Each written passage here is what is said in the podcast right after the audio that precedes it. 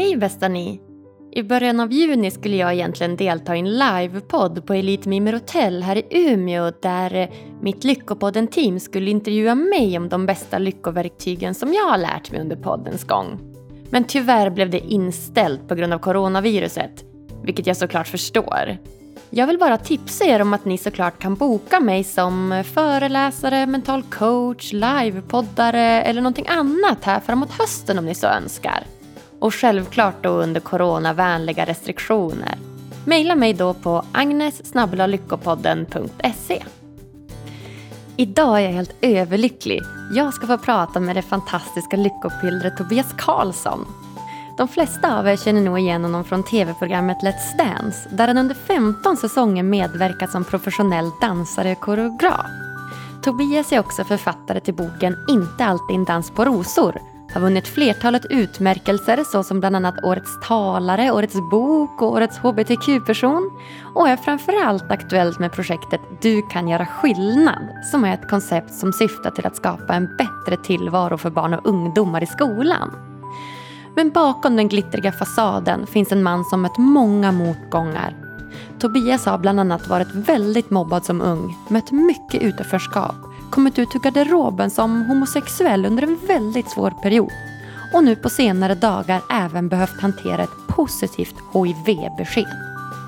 Idag grottar vi in oss på djupet i hur man hanterar de här motgångarna, hur man vågar följa sina drömmar och vad som faktiskt är viktigt i livet. Jag heter som vanligt Agnes Sjöström och den här podden presenteras i samarbete med hypnotication.com. Varsågoda!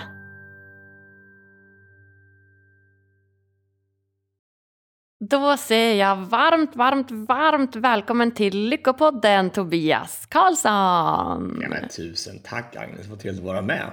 Ja men wow vad kul det är att ha dig med. Det här blir, alltså bara, bara namnet Lyckopodden gjorde mig lite, lite, lite spänd på faktiskt. För det är, då, var, det är det som är det viktigaste i livet. Om man är lycklig, då spelar det ingen resten av livet. Då spelar allting annat ingen roll. Liksom. Det är det viktigaste. Så. Vilken härlig eh, input på det hela. För det är verkligen ett, eh, ett speciellt ämne, lycka. Och det är många som blir lite, ska man säga, provocerade sådär över, över ordet. Att så här, men lycka, är det, är det bara det vi lever för eller så? Ja, men vad skulle det annars vara? Men, men, men man kan inte bli... Alltså, alla, vi, vi drivs ju alla av olika saker. Alltså, men alltså, när man är som lyckligast, alltså, i alla fall när jag är som lyckligast, när jag får vara med min familj och mina vänner, då, då spelar liksom inte det andra någonting roll, någon roll. Liksom. Det, är ju, det är så otroligt fantastiskt att bara få gå runt och känna sig nöjd med saker och ting. Så kan man, så kan man, man kan sträva efter saker och ting, men jag tycker att det viktigaste är att man bara, för att någon gång ibland bara stannar upp och tänker att jäkla vad bra jag har det. Det är, det är, det är en, en, fin egenskap att kunna känna tacksamhet. Så att, så att det, om folk blir provocerade av lycka så är det kanske att de inte känner så mycket lycka alltid jag tänka mig. Vad, vad tror du? Nej, men jag, jag håller helt med. Det, du nämner liksom några, några ord där och det är både att vara nöjd och att vara tacksam. Det, det är ju två stycken delar tycker jag i lycka och att, att ha den förmågan och ibland också kanske behöva träna på att känna de sakerna. Det, det tror jag bara jag gott. Helt enig, helt enig. Kul! Du, jag vet att det var Pride i helgen i Stockholm. Har du varit där och festat loss någonting eller Nej, har du, håller du på hemmakanten? Alls, faktiskt. Jag var faktiskt hemma hos mamma och pappa och eh, var på driving ranchen, believe it or not. Alltså, bara, jag har aldrig spelat golf i mitt liv, men mamma och pappa spelade golf på äldre dagar och så jag var där och slog lite bollar och eh, det var eh, bättre än Pride i år tror jag. Jag fick bara vara hemma och få god mat och få rå bli områdd av mina föräldrar. Det var helt fantastiskt. Så jag var jättenöjd. Så ingen Pride i år, utan bara, det var fint faktiskt. Ja men mysigt det också. Det har ju varit Pride några år nu men, ja, men jag måste säga att jag är riktigt svag för Pride. Jag tycker att det är så fint att få vara där och fira kärleken med alla. Och det är sån härlig stämning i Stockholm då tycker jag. Ja men det är det verkligen. Alltså, det är, och det är, och alltså, det är otroligt viktigt också. Men det är inte bara, det är ju det här spektaklet vi har nu varje år. Stockholm är ju så fantastiskt och helt underbart och hur kul som helst. Men man får liksom inte glömma, tycker jag, i de tiderna också vad det faktiskt grundar sig i. Och det grundar sig i att för 30 år sedan så var det 30 väldigt modiga män som, som gick genom eh, Stockholms gator och, och demonstrerade i den här regn, regnbågsprotesten. Liksom. Och då och eh, då blev kastade sten på och det var, eh, fick, fick så mycket motstånd. Så att eh, det är på grund av deras kamp och deras mod som vi faktiskt kan fira Pride på riktigt i år. Och det får vi inte glömma. Så samtidigt som det är väldigt kul och det är, det är fyrverkeri och det är fest och det är champagne överallt så får man också tänka på att det här är någonting som vi faktiskt inte har, har, ska ta för givet. Och framförallt inte i resten av världen där det faktiskt fortfarande är dödsstraff på att vara homosexuell eller tillhöra hbtq-familjen. Så det, det är också ett viktigt budskap varje år, tycker jag. Ja, men det har du helt rätt i. Det är fint att det kan utspela sig i något kärleksfullt nu då ändå när det kommer från en sån tuff bakgrund. Ja, verkligen. Alltså, det är ju, och det är, men det är så är det med alla saker i livet. Alltså, allting börjar med en kamp. Alltså, det är ju samma sak med, med kvinnors rösträtt eller eh, svartas eh, befrielse. Alltså, det är alltid, alltid, alltid någon som är... Det är som Mrs Park hon vägrar gå av bussen i USA. Liksom, det börjar med en, en kvinna eller en mans kamp för någonting för att göra världen lite bättre. Och det, det är ju häftigt att vi faktiskt går framåt. Men ibland känns det ju faktiskt som att vi går lite bakåt. Det känns det i de här tiderna ibland att vi säger vad fan är det som händer? Alltså att, alltså det är vad som händer nu i Polen till exempel med, med att eh, de försöker införa homosexuella fria zoner. Att eh, i USA ibland i vissa stater går tillbaka med lagstiftning kring hbtq-personer och det är fortfarande, och en del länder inför dödsstraff på homosexualitet. Alltså det, är, nej, det är inte det är, ibland känns det som att man har två steg fram och tre tillbaka. Men, eh, men jag hoppas det går på en ljusare framtid. Ja, du, jag håller helt med. Ja, det är ett steg fram, två tillbaka där på, på många olika delar av bland annat då, homosexuellas kamp och även andra kamper tycker jag. Det, mm. Man tycker ofta att Sverige har kommit så, så långt om man jämför med andra länder men ibland så undrar man ju om att vi inte kanske borde ha kommit ännu längre. Precis. Du Tobias, för de som inte känner dig så är du professionell dansare och koreograf. Du har vunnit flertalet danstävlingar både i Sverige och internationellt. Du har spelat in över 15 säsonger av Let's Dance som är ett av Sveriges största tv-program. Du har vunnit flertalet utmärkelser som bland annat Årets talare, skrivit boken Inte alltid en dans på rosor och du driver också en podd vid namnet I säng med Tobias och Gabriel. Mm. Titta vad många saker. Han, han är inte bara dansare utan han har många strängar på sin lyra den här herr Karlsson. ja, men wow, wow, wow skulle jag säga. Det är helt fantastiskt. Hur eh, gör man egentligen för att få sitta i den där sängen med dig och Gabriel och prata om livet? ja, vi hade faktiskt, vi har, gjort, vi har poddat nu i, i fyra års tid. Och jag släppte ett avsnitt i veckan. Och eh, i början hade vi faktiskt, då gjorde vi en tvådd, så då gjorde vi en, alltså, och sände på YouTube. Vi gjorde 22 avsnitt med, med filmning. Och då hade vi alltid en gäst i sängen, alltså någon, någon känd person och så. Eh, men du vet, vet du hur det är med kändisar, vet du, de är så fruktansvärt jobbiga att ha att göra med. Alltså, det är så fruktansvärt. alltså, och, de, och de ska avboka och de ska vara struliga och det ska vara, ta så lång tid. Och så, här, så vi, vi gav upp det efter 2001 Vi orkar, vi orkar inte med dem längre. Vi orkar inte med dem längre. Nej, så, att, eh, nu är det bara jag Gabriel och så har vi bara vår podcast. Och det, det, det, det är nog råd med dig varje vecka i alla fall. Så det, men det är jättekul jätte, verkligen. Jag, jag, jag har känt Gabriel i, i 15 års tid och han är en av mina allra bästa vänner. Så det, det är fint att få den där, den här, vet, vet ju du allting om den här timmen man får med någon i veckan. Så man kan prata om djupa saker och om, om glättiga saker. Och det kan vara allting mellan politik till Melodifestivalen eller Kardashians eller Donald Trump. Så att, eh, ja, det, är, det är en ynnest att få göra det varje vecka tycker jag. Ja men verkligen och speciellt den här liksom intimiteten man får med den man pratar med. Att man verkligen är så här 100% fokus på den framför en. Det tycker jag är bland det bästa. Ja, för det är inte ofta man är där med folk nu för tiden. Alltså man är väldigt flysk i allting. Man, ska, man, ska, man är på språng och man ska göra det här. Här får man verkligen ett samtal. Och, och just formatet en timme som både du har och vi har är ju, det är ju, det är ju väldigt länge. Alltså 2020. Alltså det är ju inte många som, alltså allting ska vara små korta klipp, liksom den här klickkulturen bara från, på, man ska titta på små lätta, lättätna och lättsvalda klipp liksom. Så, att, eh, så det är fantastiskt att få den här timmen faktiskt, där, det faktiskt, där det faktiskt betyder någonting och med någon man faktiskt tycker om. Ja, ja, men det är helt fantastiskt. Jag håller helt med dig. Det är verkligen en av de anledningarna till att jag fortfarande håller på. Det är ju verkligen för att jag tycker att det är så himla mysigt just den här intima timmen. Sen så är det klart att det är kul om folk vill lyssna men framförallt så är det det här äh, intima samtalet som, som där man har liksom 100% fokus som är det, det bästa tycker jag. Ja, också kul också att, att, att ja, det är ju klart man är i samtalet men man har ju också en, en, annan möjlighet att kommunicera med de som lyssnar och ni som lyssnar här ute. Det är ju alltså det är fantastiskt att, att folk verkligen sätter sig ner för att lyssna på ett samtal. Och, och en podcast kan ju vara verkligen vara, vi den finaste någon har sagt om våran podcast i alla fall, det var att någon sa så här på tunnelbanan, eran podd är den bästa medicinen mot ensamhet. Och det tycker jag var så här, alltså jag bara gick rakt in i hjärtat. Wow. det var så, alltså så fint. Så att det, jag blir så här, ja, för det blir verkligen så när man lyssnar på en podd så blir det som att man, liksom, man kan vara med i det här samtalet, så man känner sig delaktig på det ändå. Man kan, man kan tänka själv, hur tänker jag i de här frågorna? Vad, vad skulle jag ha gjort i den här situationen? Så att det, det blir ju ändå ett sällskap i, i, i natten eller vad man nu är på jobbet eller i, ute på stan. Så det är kanske på powerwalken liksom. Ja men verkligen, Nej, helt fantastiskt, jag håller helt med. Jag lyssnade på er podd lite så här, snuttar från olika, olika avsnitt och den har verkligen en sån aura att man känner sig som välkommen och delaktig och ni pratar om både högt och lågt och djupt och ytligt så att det, jag förstår verkligen, det var väldigt bra eh, kommentar att, eh, ja, men att det är en bra medicin mot ensamhet, ja. så himla bra. Ja men det är verkligen högt och lågt och, och det är så skönt att Gabriel, han är ju han har ju till exempel, han har ju, han har ju ett eh, frikyrklig, fri, frikyrklig bakgrund så här, och, så här, och han, man tror kanske att han är så här, att han är lite, lite pryd så här, men sen i podden så släpper han allting och bara, han bara säger de sjukaste sakerna. Så, det, det, så för mig är det så skönt, jag får känna mig lite normal för en gångs skull jämfört med honom.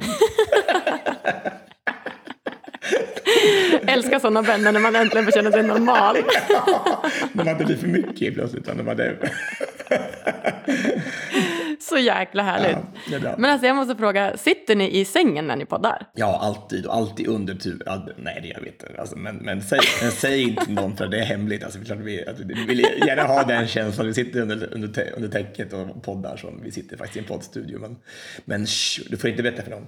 Nej, jag lovar. Sh, vi säger ingenting. Och mina lyssnare brukar vara snälla. De brukar inte säga ja, någonting heller. ah, nej, Tobias, du är ju minst sagt ett levande lyckopiller. Du bara spritter om dig och jag känner hur jag själv blir alldeles varm av energi när jag pratar med dig. Så det är helt fantastiskt. Men ja, som alla vet så är ju inte livet alltid en dans på rosor. För jag vet att bakom den Tobias jag pratar med idag så finns det en man som har mött många motgångar. Du har ju bland annat varit mobbad som ung, du har mött mycket utanförskap och kommit ut som homosexuell under en väldigt svår period. Och nu på slutet så har det även kommit ut igen kan man ja, egentligen precis. säga. Då. Två gånger. En del, en del behöver komma ut en gång på max. Jag har fått komma ut två gånger så jag hoppas att det inte blir fler gånger nu i livet. Alltså jag orkar inte fler gånger nu. det känns verkligen som att vissa människor utsätts mer än andra så att eh, jag hoppas verkligen att det är sista gången du behöver komma ut med någonting här Tobias. Och det är så faktiskt att det är till och med ett positivt HIV-besked du har kommit ut med så att det är ju inte inget. Nej. Nej, men jag, jag, jag, jag, tror också så här att menar, grunden till att jag kan leva det livet som jag lever idag, som att jag är så fruktansvärt stark, känner jag själv, både fysiskt och psykiskt, och att jag, jag är så glad och lycklig, är ju problemet att man vet hur det kan vara och hur en del, hur en del människor har det på andra sidan. Man har, man har känt botten, man har varit riktigt långt ner och när man har känt sådana saker, man har haft det jäkligt jobbigt, så vet man också att, att eh, man, man lär sig uppskatta att när man har det bra. Tror jag. Att man vet att ja, alla de här bagatellerna som händer i vardagen, att man missar bussen, så här, det betyder inte så mycket för att man har varit längre ner i helvetet än det. Liksom. Det finns inte så mycket annat som, är, som, som betyder någonting längre. Så därför ska jag bara, det försvinner liksom allt det där, de där, de där små jobbiga sakerna. Och så, så klart det kan finnas, finnas dagar när det, när det är mörker fortfarande, men 95 procent av tiden så är det faktiskt väldigt, väldigt bra. Och det, det tror jag har, har med de här hindren på vägen som man har tvingats ta sig igenom att göra. Skulle du säga att man blir en lyckligare person av att möta motgångar? Mm. Det är, alltså, det är, det är en gammal klyscha, men alltså det som inte dödar en gör en starkare och, och, och gladare. på något sätt. Alltså man, man tänker bara, ja men alltså, vet vad, jag, alltså, jag dog inte. Alltså, då har jag i alla fall en sak att vara tacksam för, att jag fortfarande är kvar här. Och vill vara alltså, kvar sant. här. Så det, det är ju så här, det är ju så, jag menar, nu kan det vara så att, så att solen skiner kan man bli helt salig över det. Liksom, för det, man, man kan uppskatta de små sakerna i livet också. Um, men, alltså, men det är klart att det är ju, det är ju och, det, och man blir också lite ambivalent inför det här. För många får ofta, ofta frågan så här, den här mobbingen på högstadiet, eh, hur, eh, skulle du vilja ha det ogjort? Och det är klart att jag inte önskar mig själv som 13-åring att gå igenom den där skiten en gång till. Men, men samtidigt så har det format mig till den jag är idag. Och nu så ska jag inte, så, så vill, skulle jag inte vilja ha det ogjort. Alltså jag ler nästan mitt liv från den där, den där personen som jag blev. Jag är så stolt att jag blev som jag blev för att jag kan ha tagit med mig så många saker och så många lärdomar av det. Och blivit ödmjuk inför, inför världen och livet. Ja, men jag tänker precis det, för att, eh, som du säger, du hade ju liksom en tuff uppväxt och det var ju mycket mobbning i skolan och du kom ut som homosexuell kille. Om vi börjar där liksom från början, hur var det egentligen att växa upp med den vetskapen att behöva komma ut? Man börjar ju förstå att det inte står helt rätt till då enligt samhällets normer när man är typ 11-12 år. Eh, man är inte som alla andra killar, man tittar inte på tjejerna på samma sätt och man bryr sig inte om att de har fått bröst. Liksom det är så här bara, I don't care. I, couldn't, I, couldn't care, I couldn't care less. Eh, så att eh, man förstår att man kanske är annorlunda och Eh, i det så, så börjar, börjar det växa en skam i det. För att eh, i och med att man inte tillhör den där. Den, det enda man vill vara är normal. Man vill ju bara vara som alla andra. Det vet ju hur man är. Man går på högstadiet och man ska, liksom man ska vara som klippt och skuren i samma modell. Liksom man ska ha samma kläder, göra samma saker. Man ska bara passa in. Och man känner bara att man är bara så fruktansvärt fel hela tiden. Och det, och det skapar ju en skam i kroppen. Och den där skammen påverkar en på olika sätt naturligtvis. Så eh, när man ligger där på kvällarna och man har de här, tank, de här förbjudna tankarna då om att man ska, man ska tända på, man, man tänker på en kille i klassen eller vad det nu kan vara för någonting. Det skapar ju en sån otrolig konflikt inombords att man, man har en känsla men vet att man inte får göra det. Och det är klart, det måste ju påverka en. Alltså man hatar ju sig själv, man hatar sig, liksom, sin person och framförallt sin sexualitet som man blivit tilldelad i det här livet. Och det, ja, vad, ska, vad, ska, vad ska man säga om det egentligen? Alltså det, man, man, man, man får ju, man, om man inte är stark nog och inte har någonting att stå på, om man inte har en familj som är väldigt stöttande eller man har en, en hobby eller man har en god vän i alla fall, så det är klart att, att en del människor orkar ju inte. Nej, det är ju det. Hur gör man liksom just för att orka? För tänk, att, att hata sig själv som du säger, att märka att det är så mycket fel. Hur gör man för att orka fortsätta? Nej, men alltså, man, man, man, det, det, det är okej om en bägare rinner över. Det är okej. Alltså, eller kanske två, men alltså blir det tre bägare. Om man har de här tankarna, man har blivit då tilldelad med den här sexualiteten eller det här utanförskapet som det är. Och inte har en familj som jag hade. Jag hade ju en fantastisk familj som hela tiden stöttade mig i allt det. Jag hade dansen som jag kunde hänga upp mitt liv på och verkligen göra det. Och jag tror att det är grunden också till att många människor som, som då eh, är födda som homosexuella eller bisexuella eller transsexuella eller en annan del av den här hbtq-familjen så, så tror jag att man, man, man lägger över allt fokus på någonting annat och gör någonting till 100% som jag gjorde med dansen och blir, och blir oftast väldigt bra på det. Och det tror jag är grunden till att det är många homosexuella personer i världen som har verkligen har lagt så mycket tid och så energi och sitt fokus på någonting annat och blivit duktiga på saker och ting. Det är många bögar inom bankvärlden, inom advokatvärlden, inom idrottsvärlden som verkligen har tagit en annan väg i livet. För att, för att undgå den där skammen, för att, för, att bevisa för andra att jag är bra nog i alla fall. Så att eh, det är jag helt övertygad om att det är därför som det, som det, som, som det har blivit så. Ja, men det känns ju verkligen som en fin väg där att man som du säger riktar fokus mot, mot någonting annat och att man faktiskt blir riktigt, riktigt bra på det. Men det är ju heller inte så, vill man inte att det ska någonstans ersätta den här skammen eller att man någonstans inte ska, för någonstans känns det som att då måste man för att liksom bli helt tillfreds så måste man ju på något sätt hantera den skammen eller den skuld som ligger i att man är annorlunda. Mm. Om man nu ska kalla det annorlunda. Jag gillar inte ens att vet, sätta ett annat fack. Men om man nu måste mm. göra det. Hur, hur hanterar man det när man väl liksom måste möta den här skammen som det ligger i att vara från en annan normgrupp? Jag tror att, jag tror att alla vi som har på något sätt, om man blir utsatta eh, för någonting sånt här jobbigt när man växer upp, alltså om det, om det är mobbing eller att man är tvungen att, att leva med den här sexualiteten eller någonting annat, kanske har mist en förälder eller någonting, någonting sånt där traumatiskt, så tror jag att det måste bearbetas på något sätt. Jag menar, och jag, jag gör det på olika sätt. Eh, och jag tog ju tag i det här liksom för 8-9 år sedan när jag började föreläsa väldigt mycket. Och jag föreläser ju om hela min, min, min, eh, min, eh, mitt utanförskap i skolan, min, min sexualitet och att komma ut för mamma och pappa och så här. Och, och, och prata om det varje dag och, och föra vidare de här det, kunskaperna och mina, mina erfarenheter har gjort att jag har verkligen fått, fått avdramatisera de här orden som, som, som kastades mot mig i korridorerna. Jag har fått tagit upp det här som hände med mamma och pappa varenda dag i åtta års tid i föreläsningssyfte. Liksom. Det är ungefär som att gå till psykolog varje dag i, i, i åtta år. Så att eh, jag har verkligen fått chansen att bearbeta det här, men jag tror att många blir ju kvar med den här skammen och, och jag tror att den, den ligger där omedvetet. Man, man inte helt, men jag tror inte man är helt man, man, man, man, kan inte, nog inte förstå vad, hur, hur mycket det egentligen har påverkat en innan man tar tag i det på riktigt. Och jag kan känna fortfarande ibland, kan känna så här, jag, jag, eh, jag läste en, en fantastisk bok just nu som heter The Velvet Rage. Kanske den mest kända eh, eh, boken för, för gay-personer i världen. En psykolog som, som efter sina egna erfarenheter med patienter och kunder och, eh, i livet, hur han berättar hur det är, att, hur den här skammen påverkar en som människa. Och att en del människor inte kommer därifrån, att inte, man inte får bort skammen överhuvudtaget. Att man, det påverkar det varenda dag i livet. Och jag kan känna så här, jag tyckte jag var ganska avklarad med mig själv och att jag var ganska långt kommen som människa. Men efter att ha läst den här boken så jag, bara, jag fick sådana otroliga aha-upplevelser. Just det är därför som jag reagerar så här. Mm -hmm. Alltså jag, jag, bara nu här, bara för några veckor sedan så så i vårt kompisgäng som jag älskar mer än alla andra, vi är så jäkla tajta, vi är tio killar som hänger hela tiden så här. Och då var, då var det någon så här som skulle sova i en annan båt. Så här, man skulle, man skulle, så här, tönt, tönt, så bara, vi, skulle, vi var tre båtar i skärgården och så var det en av killarna som, bara, som vi hade bäddat åt honom så här i, i båten. Så här. Och så gick han och la sin i en annan båt för han ville hellre, han bara, nej men det är bättre sällskap där idag, så bara skoja så.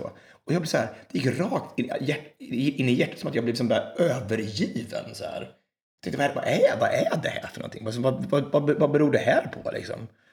Jag kan tänka mig att det är som att att inte räcka till. Jag tänker att man har, om, man är, om man är van från hela sin uppväxt att inte räcka till, att man inte är som alla andra, så tror jag att man har såna här, fortfarande såna här triggerpunkter.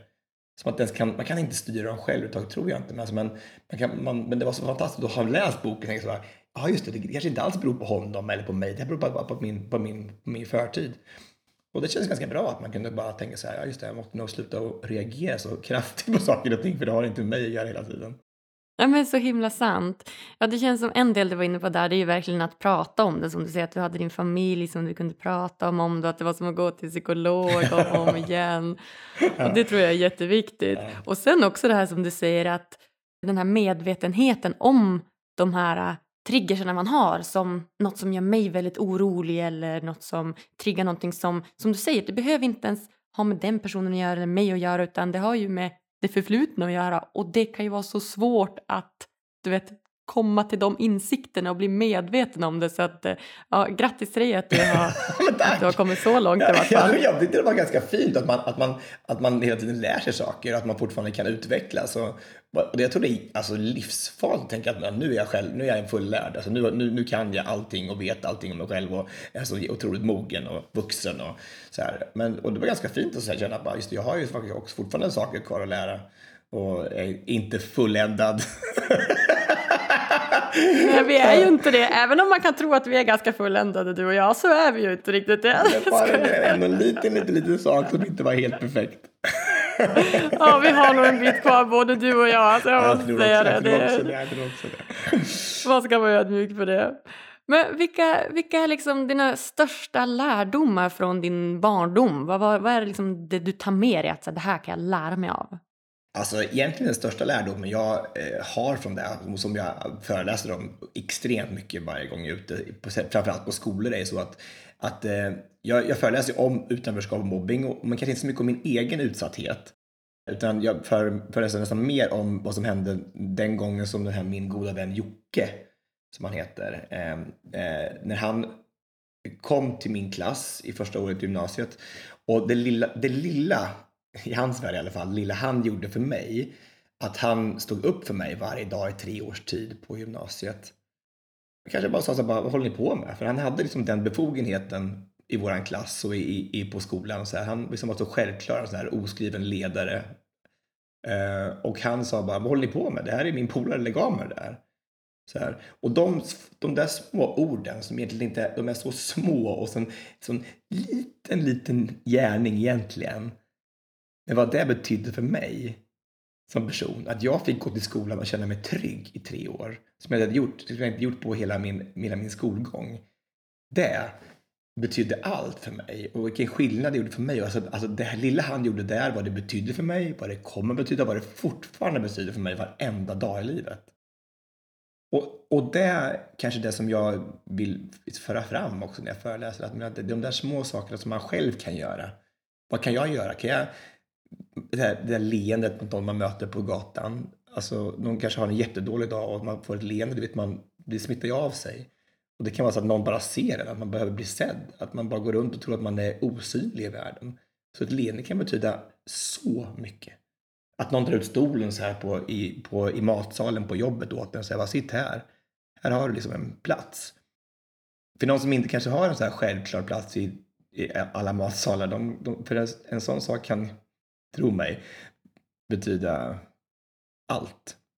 Det kan liksom eh, vara skillnad på en hel vecka. Att man går runt faktiskt och inte, och inte man känner någon, att någon har sett mig. Jag, jag, han bad mig sitta här. Han, han tog mig under sina, sina vingar. Och, och det, så det vill jag föra fram. Och det tycker jag är viktigt också. Att man, de där små sakerna i vardagen kan betyda otroligt mycket. Och det ska jag fortsätta göra resten av mitt liv och berätta för folk att ni ska gå runt och, och hjälpa folk med små, små, små, små, små, små, små, små, små åt, åtgärder.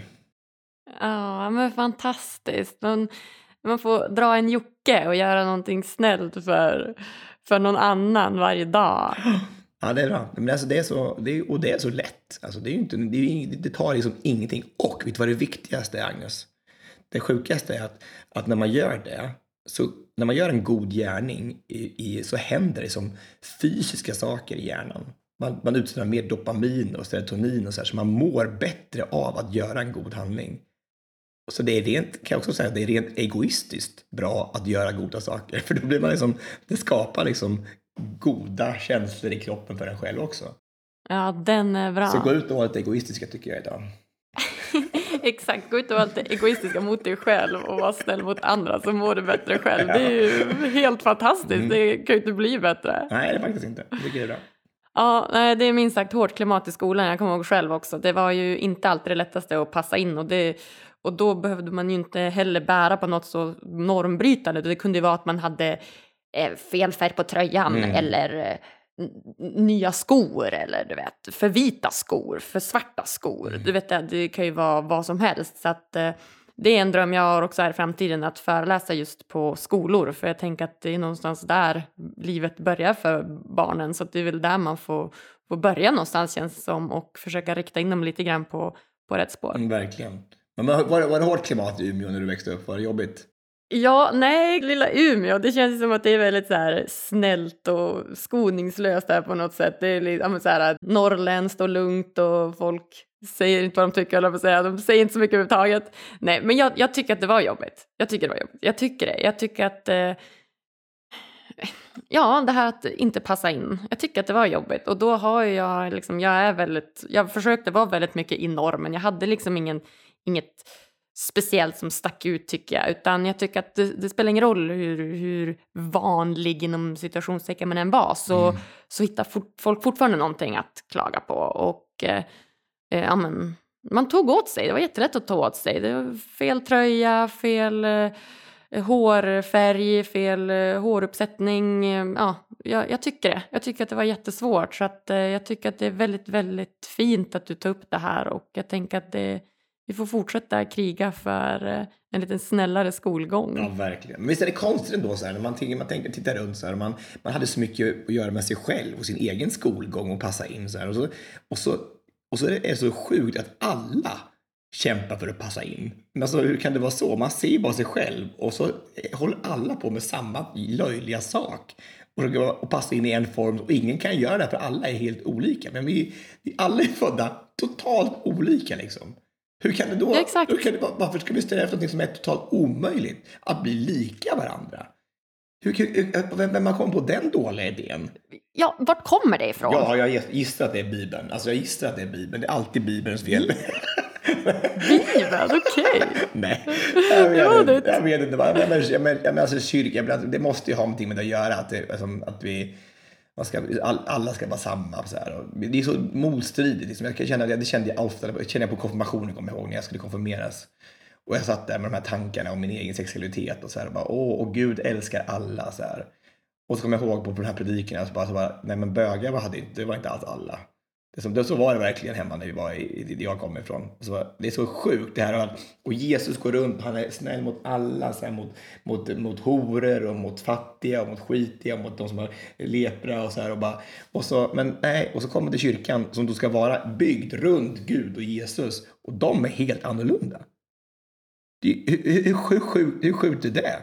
Var kommer, var kommer det ifrån? Vem har vänt på det? Är det någon påve någonstans i ute för, för tusen år sedan som sa nej men du, nej, han var inte så bra. Han hade inte rätt med Jesus i alla fall. För de, det här ska vi inte ha. Vi ska, vi ska inte ha alla. Vi ska ha alla in men inte du och du och du. Sant. Inte helt... Nej, vi är inte helt sålda på det där. nej, jag vet inte. Inte. Riktigt. Nej, inte just den saken. Sen är det mycket fint saker om, om Bibeln och det är fantastiskt och det är mycket kärlek och så här. Men det skulle vara bara kärlek, inte bara så här massa så här utanför, som frysa ut folk från, från Guds hus. Det tycker jag är, det tycker jag är fel. Ja, jag håller helt med. Nej, kärlek åt folket. Alltså, jag tycker att eh, kärlek är ju vårt sätt att vinna i livet, tycker jag. Att så här, alla förtjänar kärlek och alla liksom, ska ha kärlek. Och det liksom, finns inget utanförskap. Vi är alla människor. Ja. Det är ju bara... Det är så. Det är inte svårare än Det är så. så lätt. Vi, vi, du och jag har ju svaren. De, de kan ju bara lyssna på oss. Vi har svaren. Det, är som, Jepp, som Jeopardy. Alltså bara, vi, vi har svaren, ni ska ställa frågorna. Så är det bara. Vi har, vi har dem. Exakt, exakt. Kanske ska döpa om det till Gudspodden eller något sådär. Vi har Ja, svaren på ja. allt. Eller bara Jeopardy. Bara Jeopardy. Bara. Jeopardy. Kom med, kom med frågorna, jag har svaret på allting. Som att någon orakel sitter upp i Umeå och bara vet allting.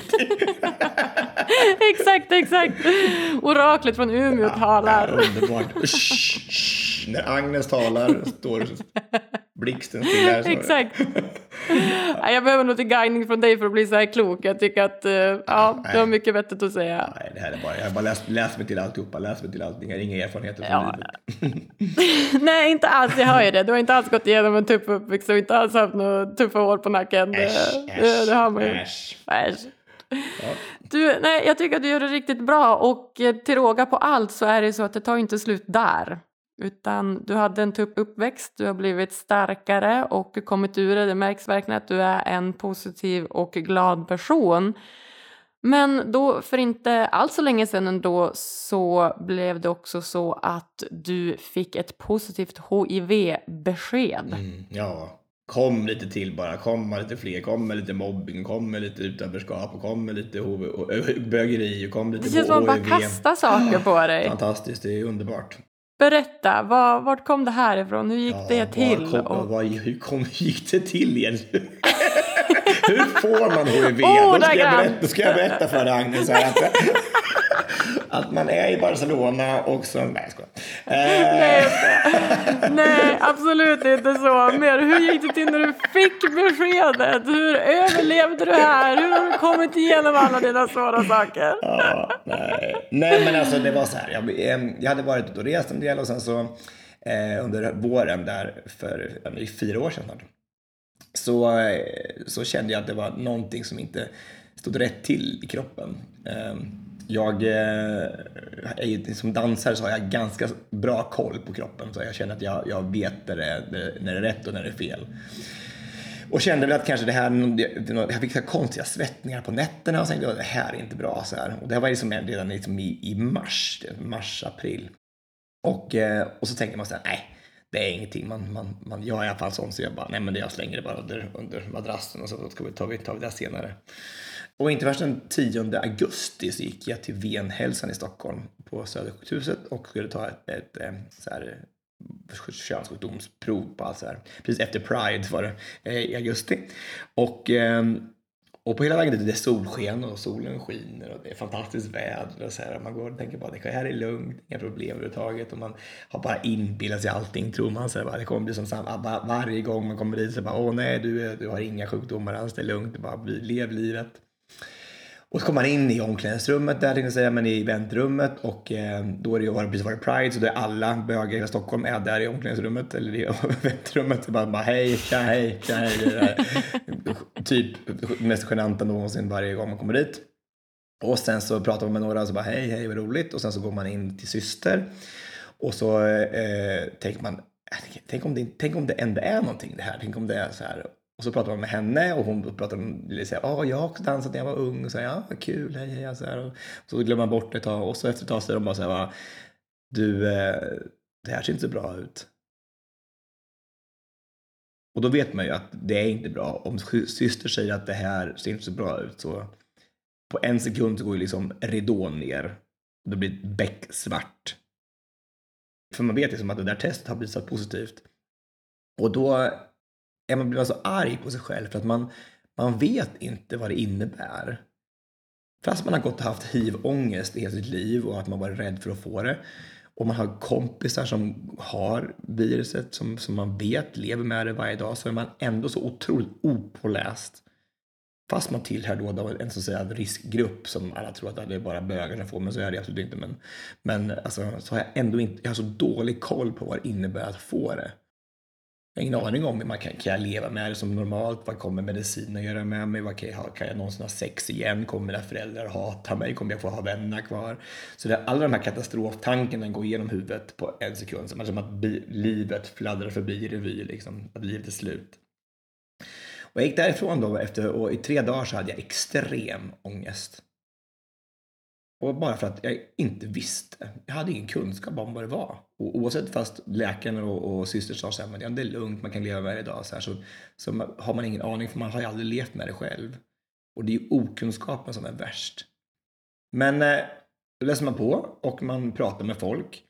Och det visar sig då att 2020, ja, då, 2017 som det här var då, så är det inga problem. Alltså, jag, jag, har fått viruset och det är ungefär som att jag har fått vilken virussjukdom som helst. Det kommer aldrig gå ur kroppen, jag kan inte ta bort det, men jag kan få ner det med en tablett om dagen så är mina värden omätbara. Det går inte, alltså, det går inte att mäta det med blodprov ens en gång för att det finns, inte, finns ingenting kvar i blodet. De ligger och sover, de här, de här eh, HIV-viruset. Jag kan inte smitta. Det går inte att smitta med det här på medicin. Jag kan inte. Om jag, ska, jag kan ha mycket oskyddat sex om jag vill, men för det går, jag kan inte smitta ens sexuellt. Inte inom oskyddat samlag överhuvudtaget. Det går inte att smitta. Jag har inte påverkats någonting av mina sidoverkningar av medicinen. Jag liksom lever, är starkare psykiskt och fysiskt än någonsin. Och om det är någonting som det har gjort är att, att jag nu är tvungen att gå på undersökningen var halva år. Så att det som kan hända då är att de hittar andra sjukdomar i så fall som jag skulle ha fått som upptäcks i tid. Så det visar sig ofta att de som har fått HIV-besked lever längre numera än vad vanliga människor gör. Så det är, så här, är det sant? Ja, men typ så här, att man hittar andra saker än man är på undersökningen. För många människor går ju inte alls och undersöker sig. Så man hittar inte såna här andra sjukdomar som kommer i, i, i blodsjukdomar. Så, att, eh, så, att, eh, så det är så sjukt att få vara, att få vara en del och få, och få berätta det här för folk och gå ut och och få vara ambassadör för, inte ambassadör för HIV, men alltså att få, få undervisa folk i att det här är inget farligt.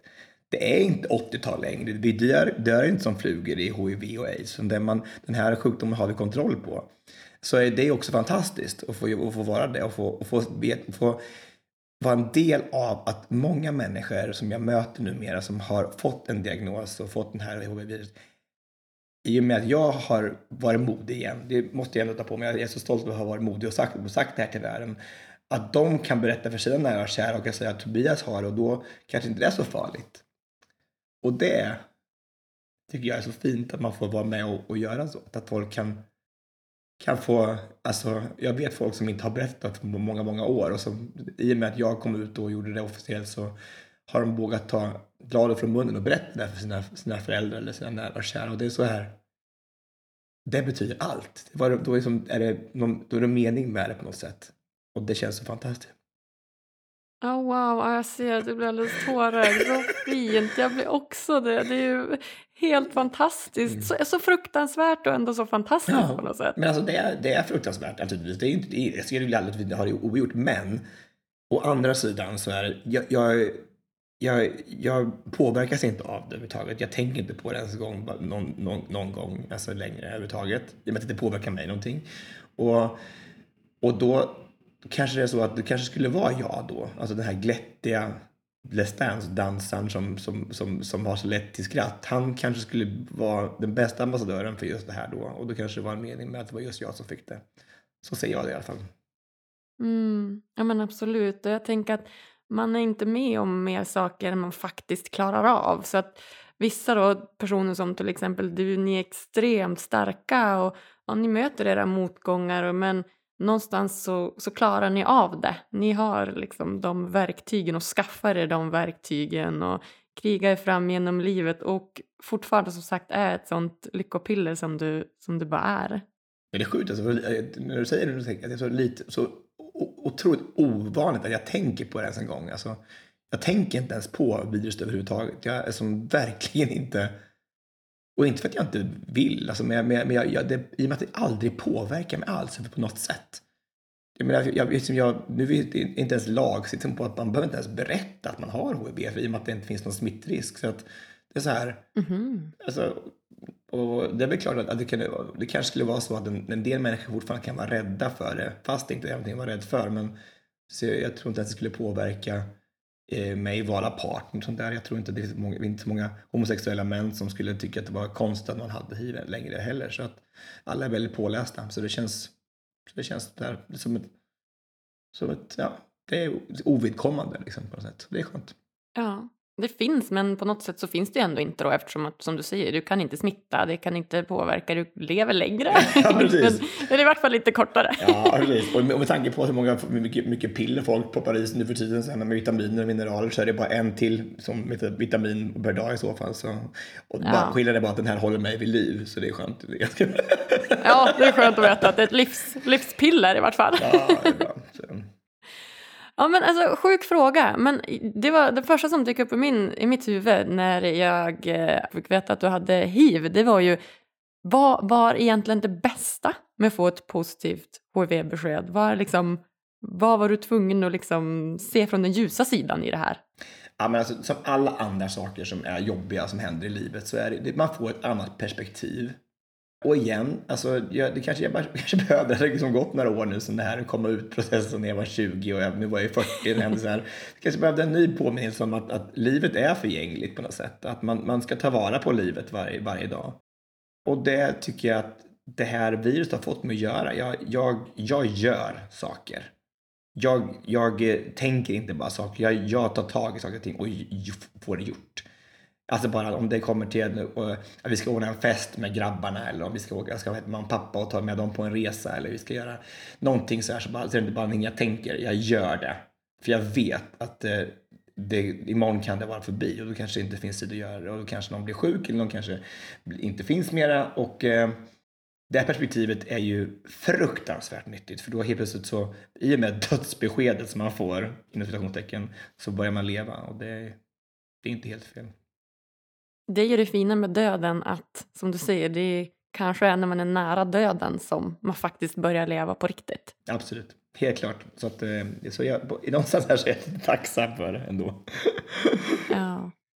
Nej, men alltså, så fantastiskt och det är så inspirerande att du är en så sprudlande person och att du har tagit med dig så mycket så att eh, ja. Jag har, har, har, faktiskt, har, har faktiskt pappa. Pappa är, eh, pappa är min stora hjälte. Så här, eller både mamma och pappa. Men pappa, just i den här frågan så är det så här att det finns ingenting som är ett problem.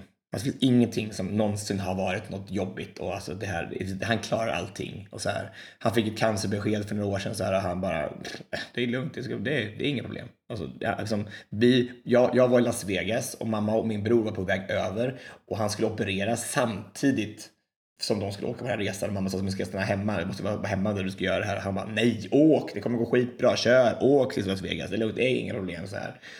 Och hans styrka där och hans, alltså hans positivitet och han, hur han handlar den här situationen gör det som att vi andra runt omkring honom också känner ett lugn i det. Mamma åkte till Las Vegas och kunde vara där borta och njuta där för hon visste att pappa klarar det. Liksom. Han har så extremt mycket styrka i sig. Och är extremt lycklig att jag fått ärva den styrkan då på något sätt. Och om jag kan bara vara i närheten av hans, så positiv som han är, så är jag så otroligt lycklig. Jag tror man har så mycket mer utav livet när man är så. Så att, eh, tack pappa. Ja, då förstår jag att du hellre är på golfbranschen och slår golfbollen med dem än att gå på Pride. ja, faktiskt. Ja, riktigt så här, hole in one. ja, men hole in one! Båda föräldrarna. Fasen vad härligt Tobias. Du, jag tänker att vi ska gå in på de sista frågorna här innan vi lämnar varandra här. Och eh, den första frågan har vi varit inne lite på, men jag tänker att vi går lite djupare ändå. Det är säkert många som vill veta. Vad gör dig som allra lyckligast? Ja, men det är så självklart. Alltså jag, jag, eh, dels har jag min, min familj hemma i, i, i Östansjö, både mamma och pappa och min bror. Och framförallt då min brors eh, fru Camilla och deras tre barn som är, de är så ljuvliga. Så när, när man inte har en, eh, då en, en, eh, en, en traditionell familj, mamma, pappa, barn hemma här i Stockholm så är det fantastiskt att få komma hem till dem och känna sig så otroligt välkommen. Och de, de håller sig så ajour med vad jag gör och håller mig ajour med vad som händer hemma där genom vår familjechatt och så här. Och barnen som är som Hugo och Måns och, och Rufus som är 11, 6, 11, 11 8 och, 4. De är också så medvetna om att jag är med i den familjen och blir så glad när farbror kommer hem. Och, det, och känna det är så, en sån ynnest, det finns inte. Och, och samtidigt ha det här gänget jag har här i Stockholm som är min familj. Så känns det verkligen att jag, jag, jag har bildat en familj här uppe som, som kanske inte är så traditionell men vi, vi umgås så otroligt mycket. Både de här tio killarna och deras, några av dem har flickvänner och så och det är ett stort gäng. Och den tryggheten också, att ha dem runt sig är ju ja, men det är därför jag kan göra allting och ha podd och jag kan jobba och dansa och, och föreläsa och försöka komma hem till dem och känna att här, här, här har jag trygghet, här samlar jag energi och får skratta så jag kriverar liksom varje gång jag träffar dem. Och samtidigt kunna känna att man bara kan, kan prata djupt och prata om, om, om livets allvar också. Och jag vet att det, det är inte alla förunnat att ha det så och det, då måste jag få, få, få lov att vara tacksam för att jag har det så. Så att, ähm, ja, men självklart. Mm. Är det barndomsvänner det eller hur har du liksom lärt känna de här tio killarna?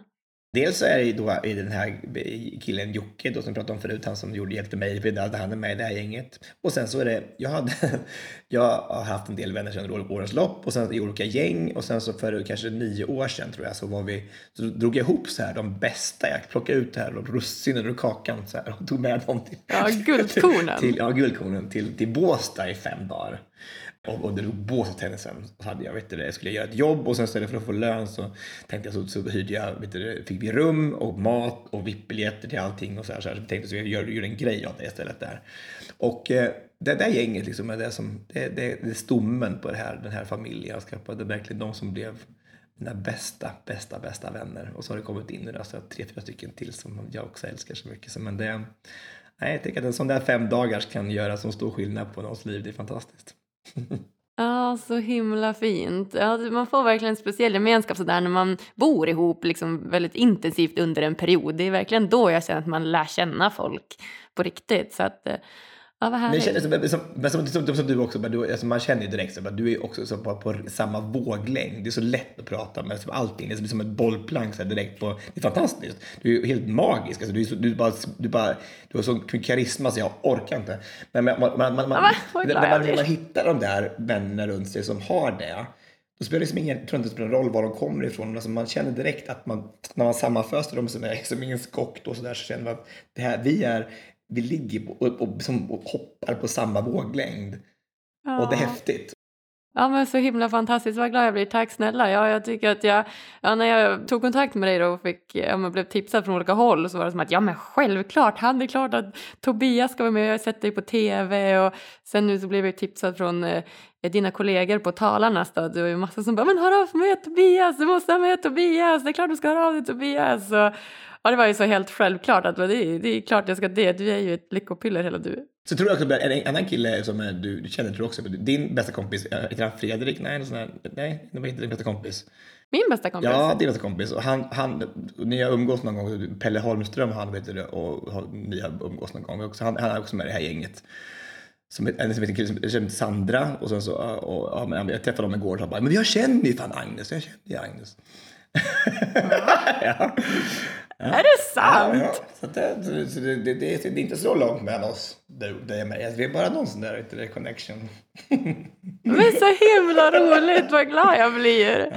Ja. men det är klart, det kunde man tänka sig att du och jag hade lite gemensamma vänner. Ja, det är klart, det är klart. Hette inte fel? Kanske Spännande. Inte, alls fel. Han var, han var snygg var han i alla fall. Jag kollade upp honom på Instagram så han var skitsnygg. Kommer ihåg din kompis. Min bästa killpolare. Fredrik. Nej, inte Fredrik. Vad har jag som bästa killpolare? Jag heter Fredrik, kanske inte något annat. Ja. Ah, ja. ja, vi får kolla det efter, efter vi har spelat in ah, här. Det är ju skitintressant ah. att, veta. Men det är klart att du och jag är bästa vänner. Det var ju fantastiskt. Jag, jag, jag frågar bara vad han heter så jag, jag vet. Ja, Ja, men skriv och kolla. Det är klart, du måste veta det. Hade han Umeå-dialekt? Eh, det vet jag inte. Jag tror han var på bild. Han hade, ing, han hade ingen ja. dialekt på bilden i alla fall, så jag vet inte. ja, så vi kollar. Härligt. Ja, nej, men vad härligt. Det är alltså vänner och, och familj och, och, dina olika familjer ska man säga. Dels din Stockholmsfamilj och din då ordinarie hemmafamilj som, som gör dig riktigt lycklig. Mm, absolut. Och eh, jag tänker då om du fick ge lyssnarna en utmaning som de kan göra varje dag för att bli lite lyckligare. Vad hade du sagt till dem då? Gå tillbaka till det jag sa förut. Alltså bara gå ut i livet och gör små, små, små goda gärningar varje dag. Och det kan vara så extremt små saker som bara det där leendet. Eller bara gå fram till den där damen som står vid frysdisken på din matbutik och bara fråga hur det är. För man vet aldrig var det landar. Alltså vad, vad, vad, vad, hon kommer från för kamp. Alltså hon kanske sitter ensam hemma framför sin tv-apparat varenda dag och har bara den lilla promenaden varje dag som hon företar sig. Och så ett hej, hur mår du från en annan människa kan betyda liv för henne. Eller bara mm. att någon bara ser en. Och om man, om man ser någon som kanske inte har det så bra, så bara fråga bara hur är det? Jag lovar, det är inte bara hon eller han som känner sig sedd. Att man går därifrån och känner sig lite modigare. Lite stolt att man har vågat gå fram överhuvudtaget. Och det krävs inte så mycket för att känna sig lite bättre. Så att eh, det är mitt stora tips, att gå ut i livet och vara lite snällare mot människor. Ja, fantastiskt. Dra en Jocke. Ja, precis. Dra en Jocke. Det är fantastiskt. Vet du vad? Att Minerva-gymnasiet i Umeå. Vet du Minerva-gymnasiet? Ja, Minerva-gymnasiet. Ja, jag gick på Minerva grundskolan. Ja, och de delar ut årets Jocke varje år efter att jag var där och föreläst. Nej, jo. är det sant? Ja, det får man Årets Jocke. Det är fantastiskt. Får man nominera sin, sin, eh, en kompis eller någonting som man tycker har gjort en bra sak under året som, som har varit en bra kompis. Och så kommer du in, och i år kom det in så typ 47 nomineringar. Och så var det två stycken som vann Årets Jocke. Så det är fantastiskt att man har fått lämna efter sig ett pris till och med. Som, som är att man liksom är en, en bra medmänniska. Årets Jocke, ja men så himla fint. Ja, det, men det, det, alltså, det, och nu alltså, vi är ute, jag och Jocke vet vi, vi är nu ute och har ett projekt tillsammans i skolor som heter Du kan göra skillnad. Där jag föreläser och det är antingen så för högstadiet eller gymnasiet men även för yngre klasser. Och så föreläser jag och sen så kommer Jocke efteråt. Då har jag pratat om honom jättemycket i föreläsning och vilken, vilken betydelse han har haft för mig. Och då kommer Jocke då som är lärare i grunden och tar varje klass och reflekterar över föreläsningen i varje klass och se vad har vi för problematik i den här klassen, vad har vi för ledare i den här klassen, vad kan vi göra för att må bättre i just den här klassen. Och sen har han även gjort 17 stycken skräddarsydda lektioner till alla lärare, en till varje ämne där som alltså varje lärare får i uppdrag att hålla den här lektionen, kanske typ i biologi, så man, man, man pratar om värdegrunderna i biologi, fast från det, den synvinkeln, alltså hur, vad som händer då, då i hjärnan när man gör en god gärning med serotonin och dopamin och så.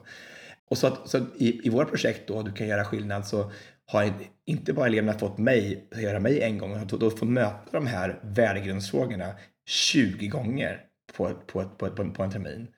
Och det, jag tror det är så vi kan ändra mönster. Vi, vi, kan inte göra punktmarkera. Vi måste igen, igen och igen och igen och speciellt i skolan vara på eleverna varenda dag i vårt arbete för att göra skillnad.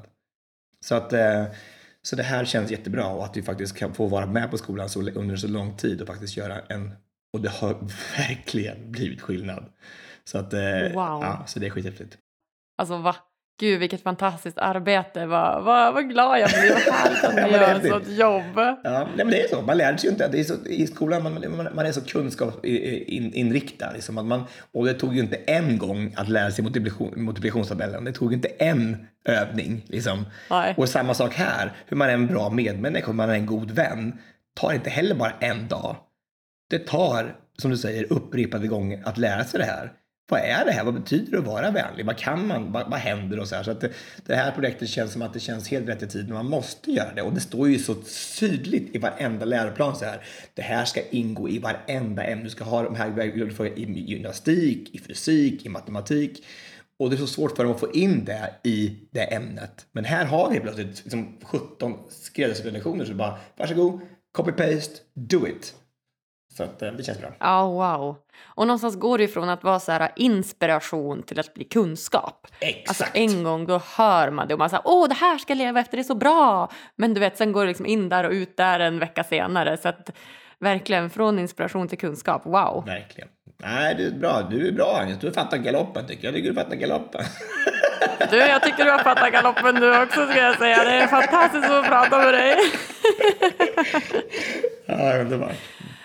Om du hade fått välja en person som skulle gästa Lyckopodden, vem hade det varit då? Oh, herregud, alltså, det finns så många människor som gör en lycklig. Alltså, det är så. Jag, en av de mest fantastiska personer jag känner är eh, eh, Sissela Kyle. Hon gör mig lycklig.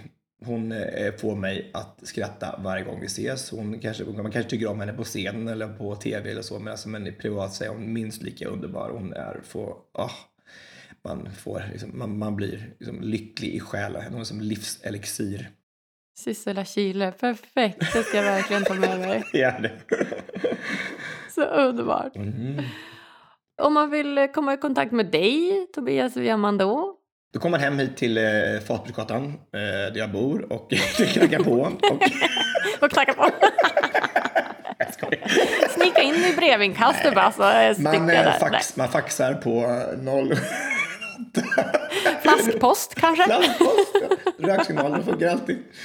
Nej, nej jag, jag har en hemsida på tobiaskarlsson.se. Eller ska man bara eh, tuna in på, på podden kanske varje måndag eller man kan möta mig, ofta ligger ofta i tant där borta i, på Söder i Stockholm. Ja, vad härligt!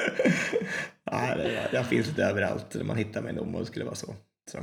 Ja, men vad härligt. Ja, du var väldigt snabb på att svara på mina mejl och var ju väldigt positiv till det här samtalet. Ja, att, men jag ja. tycker det är fantastiskt. Men det är bara, jag tycker bara namnet Lyckopodden. Och så nu tycker jag att du, du är som signifikativt med, med, med, med lycka tycker jag. Så det är bara att fortsätta på samma bana. Ja, fina. Underbara. Ja, vad härligt.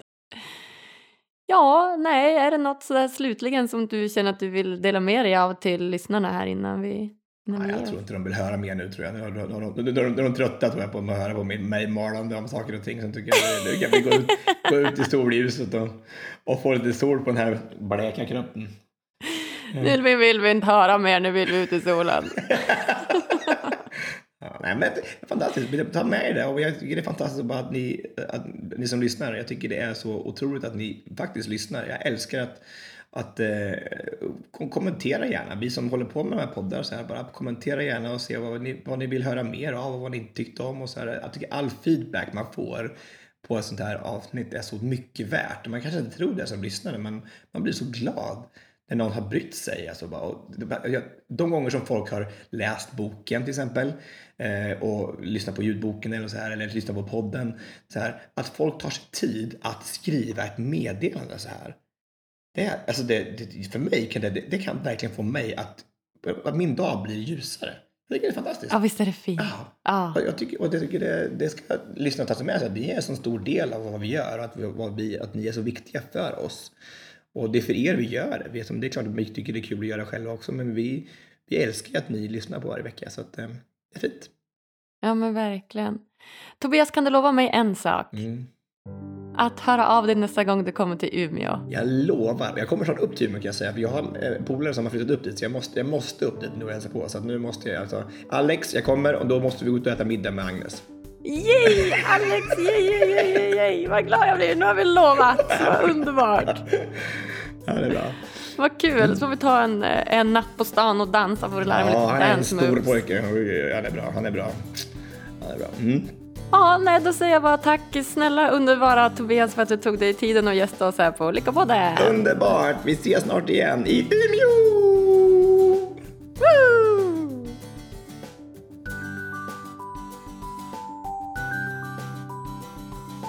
Ah, wow kompisar, vilken lyckospridare! Hade jag fått bestämma hade jag hängt med Tobias hela dagen. Vilken underbart härlig person. Tänk att ha varit med om så många motgångar och ändå vara så positiv och varmhjärtad.